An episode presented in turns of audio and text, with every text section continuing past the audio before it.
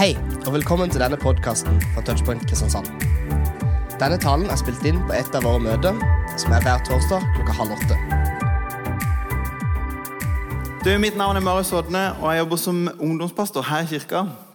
Og så har jeg gledet meg veldig til å være her på Touchpoint i dag og fortsette den taleserien vi har kalt Struggles. Vi prater egentlig om sosiale medier og hvordan det påvirker livet vårt. Sosiale medier er jo et kjempegode, vi er enige om det. Men allikevel så påvirker det hvordan vi tenker, hvordan vi tror og hvordan vi lever. Og så sier vi at vi ønsker å finne noen nøkler da, til hvordan kan jeg følge Jesus i en selfie-sentrert verden. Når jeg var liten, så var min store helt Kaptein Sabeltann. Jeg elsker Kaptein Sabeltann. Jeg brukte masse tid på å eh, se film, på å synge og på å kle meg ut som Kaptein Sabeltann. Og Sabeltann er jo fantastisk. Han var så tøff. Han var så kul. Og jeg var den der irriterende ungen som løp liksom rundt og sang og kledde meg ut og hadde sverdet mitt. Sabeltannsverdet. Det var dødsbra. For det var noe med Sabeltann som jeg likte sykt godt. Og så har min far fortalt meg senere at denne sabeltallrollen den fikk egentlig faktisk ganske stor plass i mitt liv. Så når jeg var på hytta sammen med min familie, hvor eh, vi ikke hadde strøm, og sånn, så var det bare på natta ble det jo bekmørkt. Så min far skulle legge meg, og så lå vi der, og så sa han 'Går det bra?' «Eh, 'Har du det greit?' sa han ja. For jeg hadde spurt du, 'Pappa, passer Jesus på meg nå?' Pappa passer Jesus på meg nå. Han antok nok at jeg var redd. Så han sa ja. Jesus passer på deg. Og Da sa jeg at du kan si til han, det trenger han ikke, for jeg har sabeltannsverdet mitt. Du vet, Sabeltann han var tøff, han var modig. ikke sant? Og- jeg ønsker å være som Sabeltann. Og så er sannheten den at jeg har slutta å kle meg ut som Sabeltann. Jeg gjør ikke det så mye lenger. Men hvis jeg skal være helt ærlig, så har jeg egentlig aldri slutta med å spille litt roller i livet mitt innimellom. For Sabeltann han var tøff, han var kul. Kulere enn kanskje jeg følte meg som jeg var liten, så jeg ville heller være Sabeltann. Og jeg tror Hvis vi skal være helt ærlige, så kan vi av og til dra fram noen sånne roller i vårt liv hvor vi heller vil være noen andre enn vi egentlig er. Hvis vi skal være helt ærlige, så har vi kanskje av og til ikke et kostyme, men på en eller annen måte er det et maske vi tar på oss for å fremstå noe annet. Og kanskje skjule noe av det vi egentlig ikke liker så godt med oss sjøl. Er dere med på den? Og så tror jeg at sosiale medier kanskje forsterker noen av disse tingene.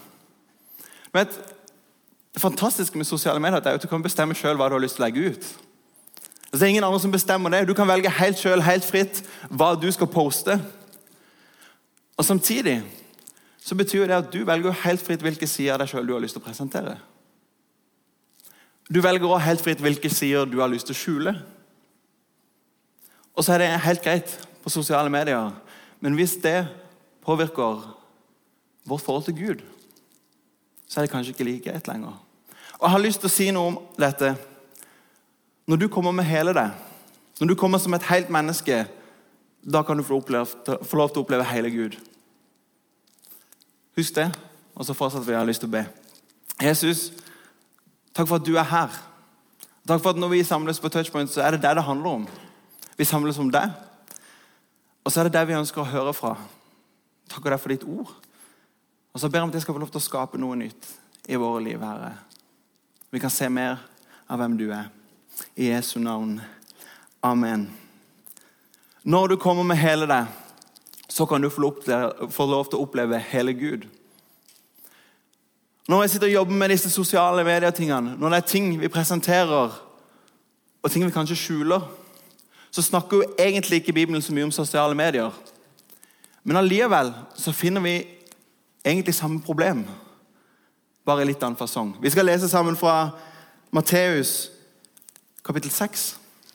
Og Der står det Når du gir en gave til det fattige, så skal du ikke utbasunere det, slik som hyklerne gjør i synagogene og på gatene, for å bli æra av mennesker. Sannelig, jeg sier dere, de har alt fått sin lønn. Når du gir en slik gave, skal ikke den venstre hånden vite hva den høyre gjør. For at det skal være en gave i det skjulte. Og din far som ser i det skjulte, skal lønne deg. Når dere ber, skal dere ikke gjøre som hyklerne. De liker å stå i synagogene og på gatehjørnene og be og vise seg for folk. Og sannelig sier dere, de har alt fått sin lønn. Men når du ber, skal du gå inn i rommet ditt, lukke døra og be til din far som er i det skjulte. Det er mange ting jeg kanskje ikke kunne sagt med denne teksten her, Når du leser den, tenker du hva i heiene har det med sosiale medier å gjøre? Og Det skjønner jeg veldig godt. Det kan vi jo lure på. Men jeg tror faktisk dette på en eller annen måte representerer samme problem som noen av de tingene vi holder på med når vi har sosiale medier. Det er tre ting jeg har lyst til å si. Og Det første det er dette. Si når jeg skjuler hva jeg gjør. Jeg nevnte at sosiale medier det handler jo egentlig om at vi kan poste det vi har lyst til. Jeg kan poste hvor fantastisk det er med min lille sønn å ha sånn glansbilde. Det er ingen som er så ille på Instagram som liksom ny, nybakte foreldre. De er de verste på Instagram. Du på bilder hele tiden, Og jeg kan poste bilder av hvor fantastisk det er med min lille gutt. og bare Vi har det så bra, og jeg er en sinnssykt bra pappa. ikke sant? Og så ser det så fint ut, men egentlig så er sannheten at jeg sto opp klokka fire i natt og har ikke sovet en dritt. Og egentlig tenker dette suger. Men det kommer ikke på Instagram. Skjønner hva Jeg mener? Jeg velger hvilke ting jeg har lyst til å presentere. Jeg velger hvilke sider av meg sjøl jeg har lyst til å presentere. Og så er faren at kanskje er det noen ting jeg skjuler.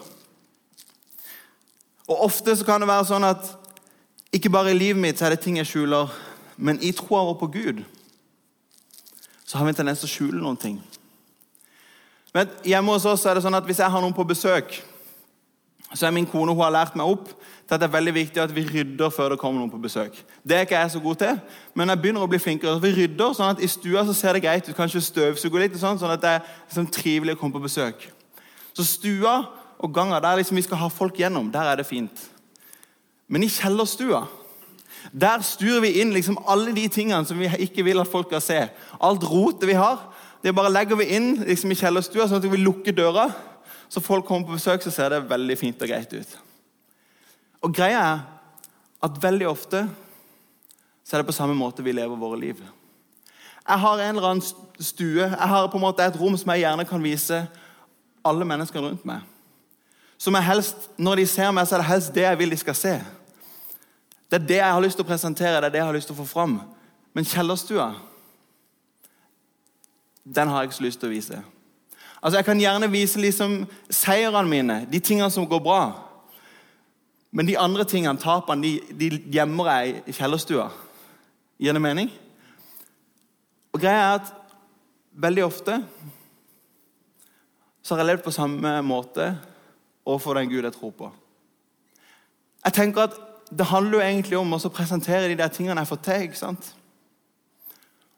Og når Jesus prater om disse folkene som ber, eller om de som skulle gi gavene så handler det jo om at de har lyst til å fremstå på en måte. Så hva han sa for noe? De ber høyt. De gir hvorfor. Jeg har lyst til å vise de gode sidene for folkene rundt meg. Så jeg gjerne kan se at de liker meg. Hvis jeg gjør det, så får det noe inni meg. Og veldig ofte så kan jeg tenke Hvis jeg bare gjør sånn, så liker Gud meg også.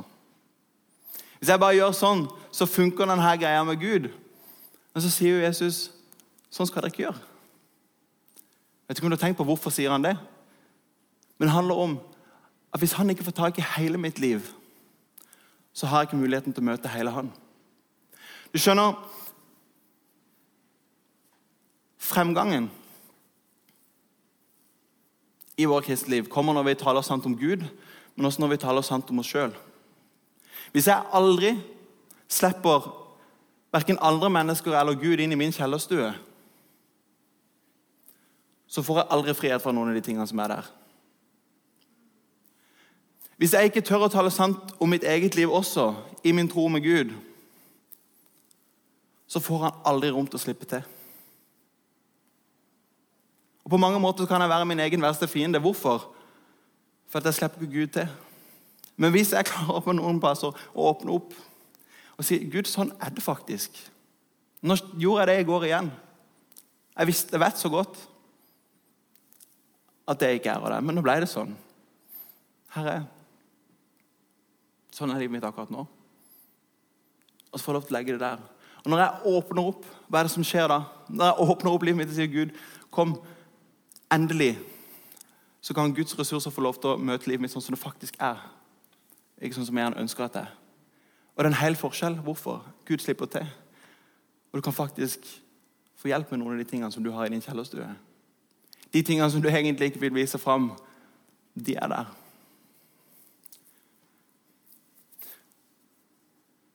Veldig ofte er det sånn at når vi gjør noe galt, når vi har noe vi skammer oss over, når ting skjer i mitt liv som jeg egentlig ikke ønsker, når ting gikk litt galt, så har vi en tendens til å gjemme oss, har vi ikke det? det er, man poster aldri så mange liksom, Insta-ting som når man har det litt dårlig med seg sjøl. For da må liksom selvfølelsen opp. Sånt? Eller du kan poste liksom, 'Nå suger livet', og så får du sånn herre 'Å, syns så synd på deg'. Sånt? Og så får du litt sånn medfølelse. Vi, vi poster ting og vi skjuler oss gjerne når ting ikke går sånn som jeg hadde tenkt i livet mitt. Og så gjemmer vi oss. Jeg har egentlig ikke lyst til å fortelle noen når ting, når ting går galt i mitt. Jeg kjenner jo at jeg vil helst holde det bare for meg sjøl. Utfordringen er at det vi trenger mer enn noen ting annet når ting går galt, det er jo tilgivelse. Men tilgivelse kan du egentlig ikke få uten å bekjenne det. La meg lese et bibelblad for å å forklare. Men dersom vi bekjenner våre synder står det. Er han trofast og rettferdig, så han tilgir oss synder og renser oss fra all urett. Det er fantastisk. Jeg tenker, Dette er den guden vi tror på. Dette er all den kjærligheten og nåden jeg får lov til å motta. Vet du noe? Gud har så utrolig mye godt for deg. Men hvis jeg aldri slipper Gud inn i min kjellerstue, så går jeg glipp av ufattelig mye. Du har så mye til gode hos Gud hvis du faktisk åpner opp. Hvorfor? Jo, for da kan Guds ressurser endelig møte livet ditt sånn som det faktisk er. Og det er hele forskjellen. Hvis jeg tør å slippe han inn, hvis jeg tør å vise at sånn er faktisk livet mitt, Gud, akkurat sånn som jeg, kan jeg få lov til å komme til deg. Noen ganger så skjuler vi hva vi gjør, men veldig ofte så skjuler vi hvem vi er. I denne teksten vi leste om disse folkene som Jesus kaller hyklere fordi at de ber på gatehjørnet fordi de har lyst til at folk skal se hvor flinke de er til å be, eller de gir fordi de har lyst til å se hvor mye folk skal mye folk, Nei, det var helt feil. Hvor mye de gir. Folk skal se hvor mye de gir. Så bruker Jesus et ord der som heter hyklere. Og Når vi hører ordet hykler, så tenker vi det er jo en som gjør noe og sier noe annet. Ikke sant? Er med på den? Han gjør noe og sier noe annet, så han er ikke ekte. Han viser ikke liksom, sitt sanne jeg på en eller annen måte. Og når dette ble skrevet, så ble jo Nytestamentet skrevet på gresk. Og da, det ordet som hykler, som vi bruker hykler, det betyr egentlig et teater. Det er en fun fact som du kan skrive ned i dag. Det betyr teater. Og poenget Egentlig betegner det en enmannsteater. Det høres rart ut, men det var superpopulært på den tida. Og hva det gjorde, det var at det var én person som spilte mange roller. Og han hadde flere masker som han tok på seg for å spille de ulike rollene. Men det var samme person. Men det ordet ble da det ordet som Jesus bruker som hykler. Og hvorfor? Jo, fordi i livene våre så tar vi ofte på mange masker. Vi putter opp våre fasader fordi jeg har lyst til å fremstå sånn. Jeg skulle gjerne heller vært som Runa her. Kjekk og stram møteleder. Jeg skulle gjerne vært som Runa. Og så vil vi heller være Runar enn oss sjøl, og så setter vi på disse maskene. Eller hvis jeg ønsker på skolen fremstå som litt kulere enn jeg, så putter jeg på min maske. Eller hvis jeg på fotballaget ønsker å være noe annet enn hva jeg kanskje kjenner på innsida, så putter jeg på meg min maske. Jeg spiller min rolle. Og så har vi disse rollene vi spiller. Og så sier Jesus jeg ønsker ikke at dere skal holde på sånn. Hvorfor? Det ene er jo at du blir kanskje bare en dårlig kopi av noen andre. Det er jo den ene tingen. Men det aller viktigste det handler om at Gud ønsker å ha tak i deg. Og det er først når du kommer med hele deg, akkurat sånn som du er, at du kan få lov til å møte hele Gud. Det handler ikke bare om tingene vi gjør, skjønner dere. det handler ikke bare om kjellerstua. Og de tingene vi gjør med vekk, Men det handler også om hvem jeg er. For veldig ofte så har jeg lyst til å være noen andre. Og så tror vi faktisk på en Gud som sier at 'jeg har skapt deg, og jeg elsker deg'. Og Hvis jeg prøver å komme til Gud som noen andre enn den jeg er, så har jeg så utrolig mye godt jeg går glipp av. Hvorfor? For jeg slipper ikke han til. Jeg gikk av han rom. Han får ikke lov til å liksom møte all sin kraft og alle sine ressurser. Alle Guds muskler får liksom ikke møte livet mitt sånn som det faktisk er. Jeg presenterer meg som noen andre. Du har så utrolig mye godt å gå glipp av. Veldig ofte så kan vi jo, når vi tar roller, prøve å gjøre oss sjøl sterkere, sånn som jeg gjorde med Sabeltann. ikke sant? Jeg ønska liksom med sabeltannsverdet å vise at jeg hadde full kontroll over alt sjøl. Og så er det interessant hvordan en som heter Jens Petter Jørgensen, som sier dette Den største hindringa for at Gud skal få gjennom sin vilje med oss mennesker, det er vår dyktighet, vår styrke og vår selvtilstrekkelighet. Vi tenker jo ofte det motsatte. Det er alt det dumme jeg gjør, som hindrer meg fra Gud. Veldig ofte kan det være motsatt. Det er alle de gode tingene jeg gjør, som hindrer meg fra Gud. Hvorfor? Jo, fordi jeg ønsker å fikse livet helt sjøl. Jeg får til alt sjøl. Jeg. jeg trenger ikke Gud. Jeg trenger ikke andre. Jeg fikser det. Jeg klarer det. Jeg har kontroll. Hvis vi ikke gir Gud det rommet, den plassen som han har, så går vi glipp av utrolig mye godt. Du har så mye godt igjen hos Gud. Det er på en måte så mye godt på konto som går an å ta ut hvis man bare åpner opp. Men det handler om å slippe han til. Det handler om å gi han rom. Og ikke skjule hva jeg gjør. Ikke skjule kjellerstua, og heller ikke skjule hvem jeg er.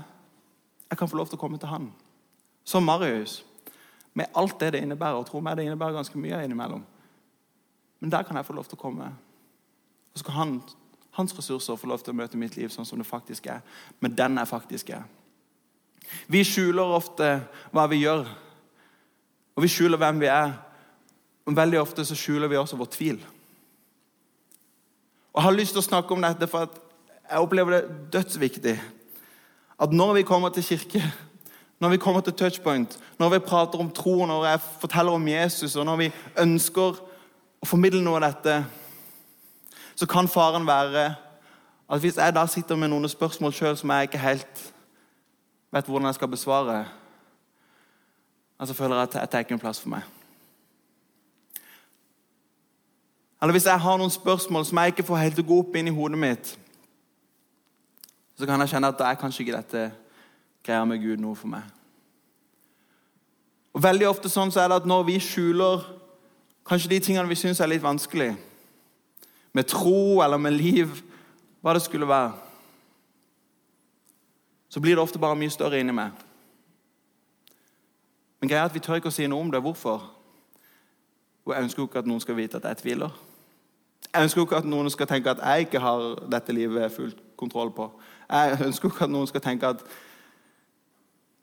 Han der, altså Han fikser ikke dette.